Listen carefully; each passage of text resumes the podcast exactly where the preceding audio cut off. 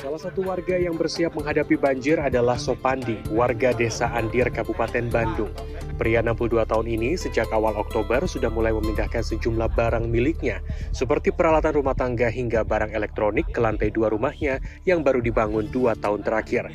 Sopandi mengaku aktivitas ini rutin dilakukan menjelang akhir tahun saat musim hujan tiba.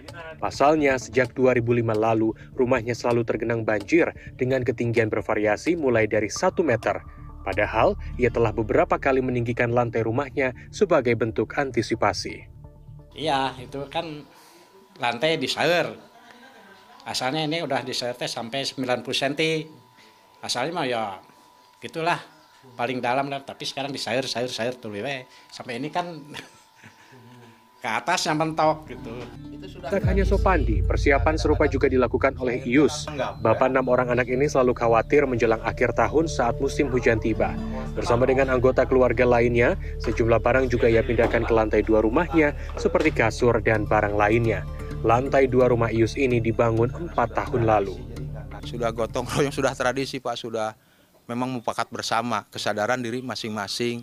Seandainya ada yang hamil, yang apa, itu udah otomatis otomatis baik itu pemudanya, warganya itu sendiri, itu udah otomatis pak masalah itu. Jadi gotong royong atau kerukunan lah. Itu. Bahkan sebagai bentuk antisipasi lainnya, Yus bersama dengan warga lainnya juga menyiapkan sejumlah pelampung.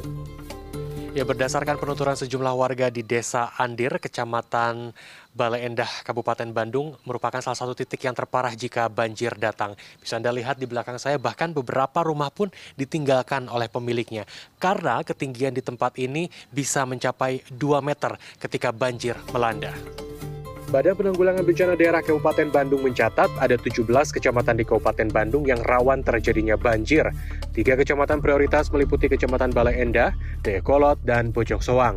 Antisipasi kebencanaan sudah dilakukan dengan menyiapkan kebutuhan logistik kedaruratan bencana hingga menyiapkan SDM yang bersiaga 1 kali 24 jam setiap harinya yang tersebar di sejumlah kecamatan.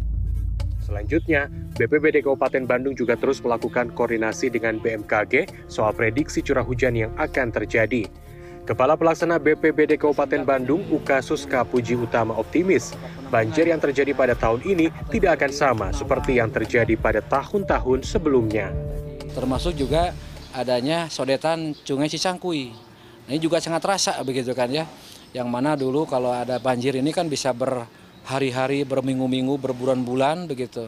Nah sekarang dengan adanya apa kegiatan pembangunan yang sudah dilakukan oleh pemerintah baik itu pemerintah Kabupaten Bandung maupun pemerintah pusat provinsi begitu. Alhamdulillah sekarang kaitan dengan e, banjir di daerah pemukiman ini hampir relatif ya ada sih ada tapi cepat surut lah begitu.